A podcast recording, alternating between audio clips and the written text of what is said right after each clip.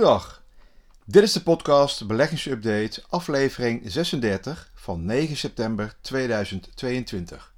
Mijn naam is Joost Bors. Nou ja, elke week in het kort al het relevante beursnieuws, alles over beleggen en vermogensopbouw. Ook elke week een praktijkcasus en theoretische uitleg. Maar deze week ga ik het hebben over de duur van een recessie. Hoe lang duurt nou een recessie? Nou, verleden week vrijdag 2 eh, september stegen de beurzen in Europa met gemiddeld zo'n 2%. Uh, eh, op Wall Street gingen de beurzen in eerste instantie ook goed uit de startblokken, maar aan het einde van de handelsdag leverden ze winsten weer in. Het was een eh, lang weekend in verband met de viering van Labor Day op maandag, dus waarschijnlijk werd er wat winst genomen. Besloten uh, ja, beleggers wat winst te nemen en de S&P 500 index verloor 1,2%. De Nasdaq verloor wat. En de Dow Jones die sloot ook uh, een procent lager. Ja, dat was 2 september. Afgelopen vrijdag, dus 9 september, stegen de beurzen weer uh, in uh, Europa. Maar ook in Amerika ging het fors omhoog. Er werd zo'n gemiddeld zo'n anderhalf tot 2 procent gingen de indexen omhoog. Ja, dus in de Afgelopen week begon Europa met een stevige min. naast het draaien van plus naar min in Amerika, wat ik al zei, van 2 september in het weekend, eh, werd ook eh, de flinke stijging van de gasprijs genoemd als oorzaak. Een soort van olie op het vuur gooien situatie. De gasprijs was juist aan het dalen, maar het sluiten van Nord Stream pijpleiding in het weekend zorgde voor onrust. Ja, moeilijk eh, deze berenmarkt om als belegger in te verkeren en een visie eh, op los te laten. Ja, voor korte termijn handelaren kan het misschien wat opleveren, maar de lange termijn belegger uh, moet wat geduld hebben. Je kan natuurlijk wel op hoofdlijnen kijken naar je verdeling over de verschillende beleggingscategorieën en bepalen of je hier nog happy mee bent. Of je past het aan en verlaagt het risico, zoals de ING-bank, eh, Rabo en ABN hebben gedaan afgelopen maand. Nou, de week werd gekenmerkt door het wachten op de Europese Centrale Bank en de ECB. Of de ECB. De ECB zou donderdag een rentestap nemen. De verwachtingen lagen tussen de 50 tot 75 basispunten.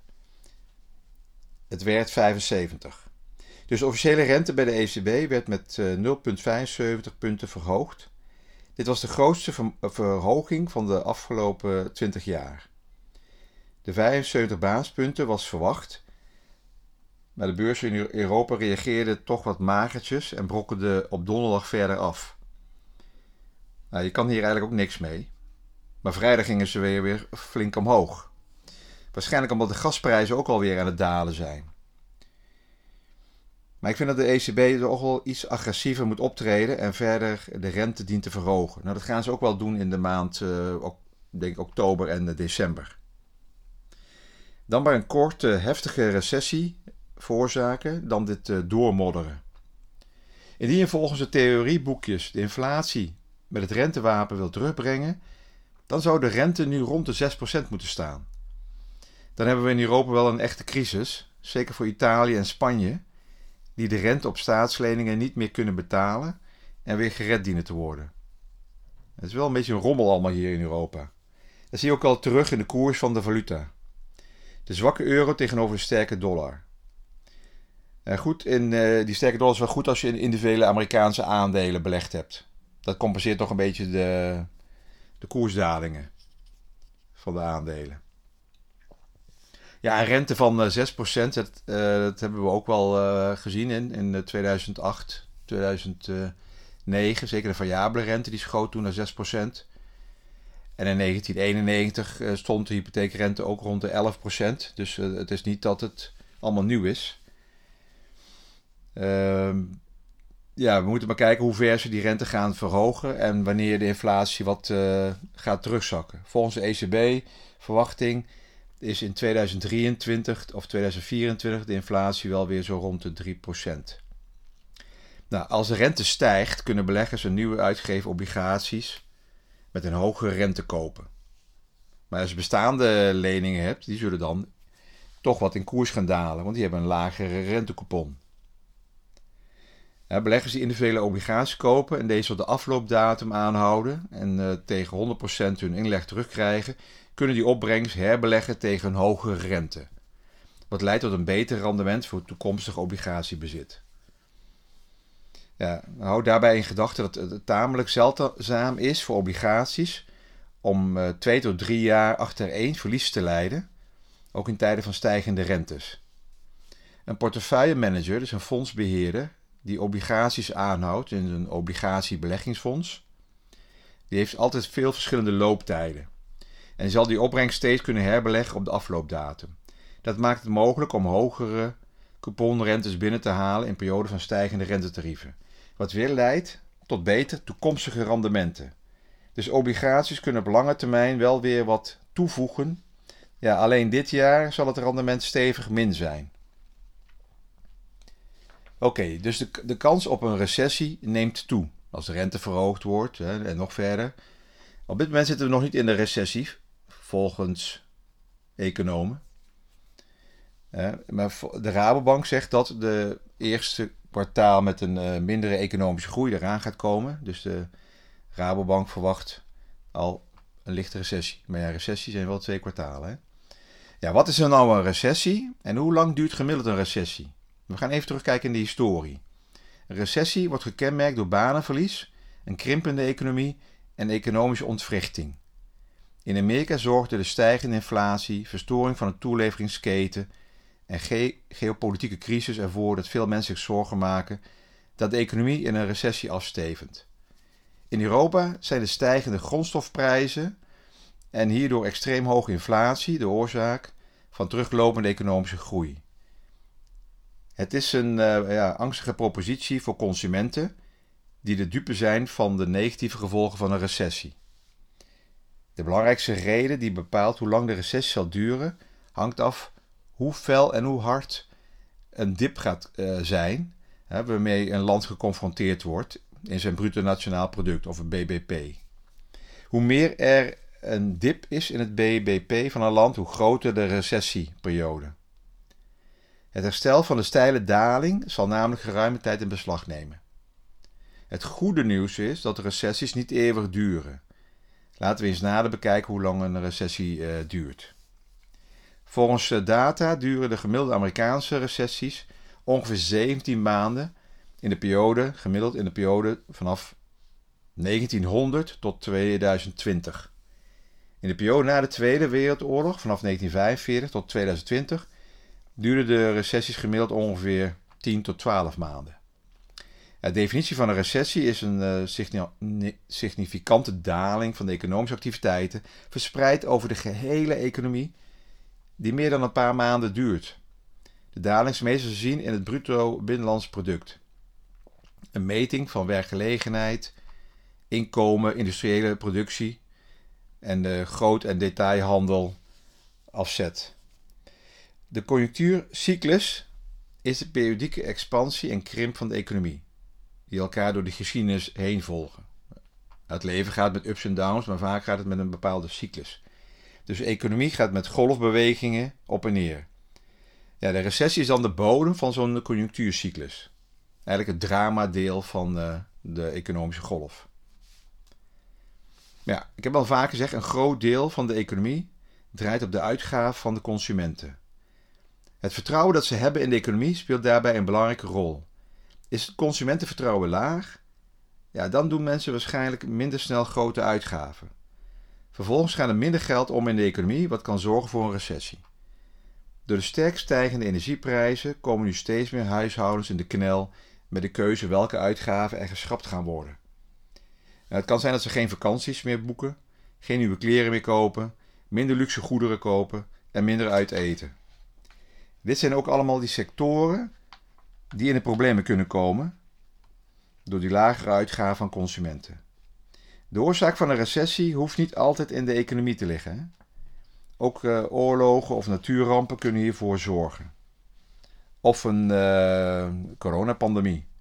Bij dergelijke crisissen wordt het dagelijks leven op een dusdanige manier ontwricht ja, dat, dat, er, uh, dat ze op lange termijn ook de economie kunnen schaden.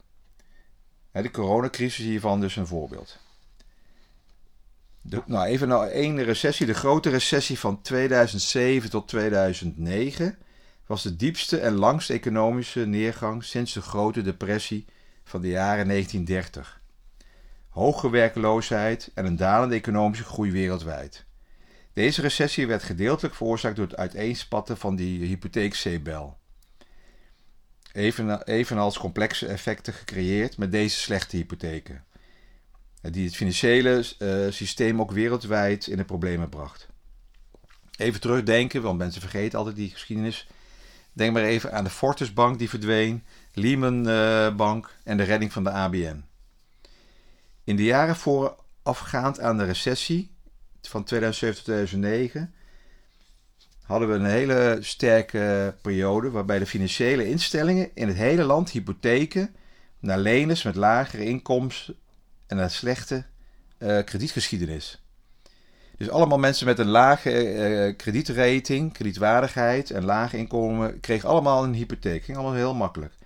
De onbetrouwbare hypotheken van deze, uh, die werden dus gebundeld in leningen en die werden verkocht als een hoogwaardige belegging. Die, deze leningen werden dus in, uh, in een mandje met uh, allemaal uh, leningen bij elkaar gekoppeld. En er werd dan een obligatie, schil of een beleggingsfonds van gemaakt. En het werd dan verkocht aan particulieren en aan banken wereldwijd. De huizenmarkt was door die makkelijk toegankelijke hypotheken enorm in waarde toegenomen. In 2007 begonnen grote hypotheekbanken faillissementen aan te vragen omdat sommigen hun leningen niet meer terugbetaalden. Waardoor die zeebel op de huizenmarkt, het begon in Amerika, barstte. Op dit moment zijn de huizenmarkten in Amerika en het aantal nieuwe woningen uh, al enorm aan het dalen. Ook de prijzen dalen in Amerika. In het daaropvolgende anderhalf jaar daalden de aandelenmarkten en begonnen grote financiële bedrijven failliet te gaan. Want ze hadden al die hypotheken op hun uh, balansen staan. Ze, ze moesten die huizen opnemen en op hun balansen, die huizen werden minder waard. Dat was een soort vicieuze cirkel. Wat een, eh, wereldwijde financiële crisis en een recessie veroorzaakte. Nou, dat was dus die recessie van 2007 2009. Nu zijn economen en uh, de financiële boeken, daar worden de duur en de diepte van recessies wordt gekenmerkt door bepaalde vormen. Er is een V-vorm, een U-vorm en een W-vorm. Een V-vormig herstel is bijvoorbeeld een heel snel herstel. Je gaat hard omlaag en dan ook weer scherp omhoog. Dus een scherpe daling naar een bodem, gevolgd door een dramatische stijging. Die V-vorm zagen bijvoorbeeld in mei 2020 door ingrijp van centrale banken met een overvloed aan gratis geld. En toen in de zomer van 2020, toen de vaccins eraan kwamen, die kreeg dus een heel snel herstel van die, uh, die coronapandemie. In een U-vormig herstel daarentegen blijft de economie langer aan de onderkant staan en herstelt dan geleidelijk. Je gaat in een bodem ga je zitten en die bodem duurt even een paar maanden voordat er weer een langzaam herstel gaat komen. Een W-herstel is wanneer de economie door een recessie en in herstel gaat en dan onmiddellijk wel weer in een nieuwe recessie terechtkomt. Een uh, W-vorm Eigenlijk heb je bij een W-vorm uh, twee, uh, twee U'tjes. Of twee V'tjes. Hè. Je gaat een, uh, een scherp naar beneden, een scherp herstel. En dan krijg je weer een daling. En dan weer een herstel. En dat duurt wat langer. Ja, een U-vorm is voor mij, vind ik, de beste vorm om een stabielere aandelenmarkt te gaan krijgen. Want een U-vorm betekent dat je na een bodem, een periode van minimaal zes maanden zijwaarts gaat. En daarna weer een periode van dan krijg je weer een economisch eh, cyclus opwaarts van vijf jaar gaat stijgen. Maar ja, dat is een droom. Droom en werkelijkheid komen niet altijd uit. Nou, ik hoop dat je deze theoretische uitleg een beetje hebt kunnen volgen. er is wel weer een andere crisis op de loer. En dat dreigt een tekort aan frikandellen. Nou, dat, eh, we kunnen wel van alles verzinnen. Nou, in ieder geval dank voor het luisteren. Alles op persoonlijke titel, geen direct advies en op basis van openbare informatie. Tot de volgende week.